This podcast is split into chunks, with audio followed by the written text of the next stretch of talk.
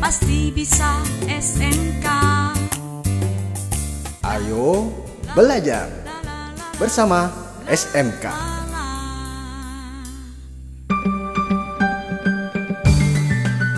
Hello, audiences. How are you? I hope you are just fine. Well, here I come again in your English Day.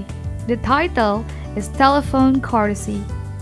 Today, we are going to listen to some dialogues about making a phone call, receiving a phone call, talking to international business colleague, and other telephone call.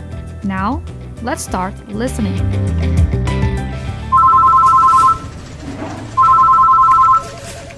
Halo, PT Cahaya Abadi. Ada yang bisa saya bantu? Hello, I am Andrew Badermar from Indo-Deutsche Corporation. May I speak to Mr. Sularso Hadi Prayitno? Yes, yes. Okay, sir.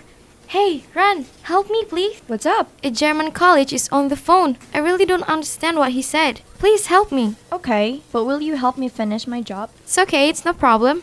Good morning, PT Cahaya Abadi. How can I help you? Oh, well, I think I had expressed my aim. How come you ask me again? I'm sorry, it's just for the confirmation, sir. I'm Rania. May I help you, sir? Um, well, I need you to tell your boss that our meeting will be postponed until next week. All right, sir. I'll put you through Mr. Sularso. I'm sorry for the inconvenience. My goodness, your friend is wasting my time. Now you've just listened to a conversation between Aisha and Rania. They were talking about how to accept a telephone call.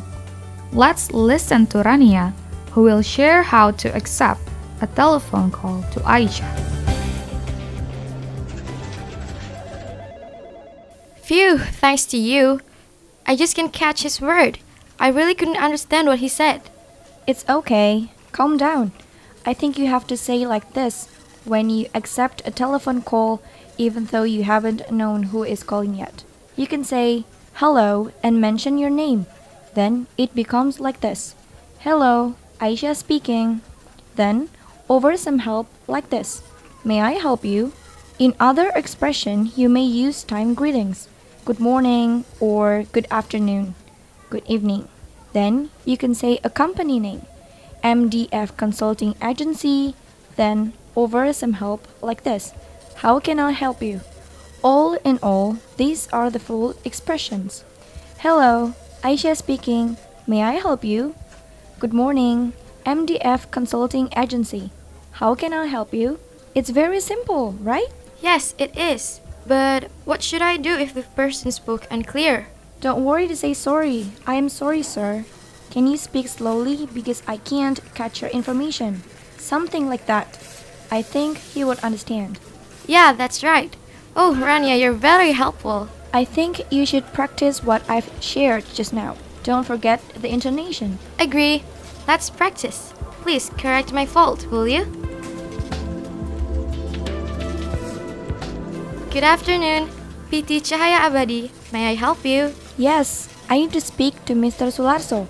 Please, quickly, because I have very important news for him about our business. Please, please. I'm sorry, ma'am. Can you speak slowly because I can catch your information? Good job, Aisha. That's great.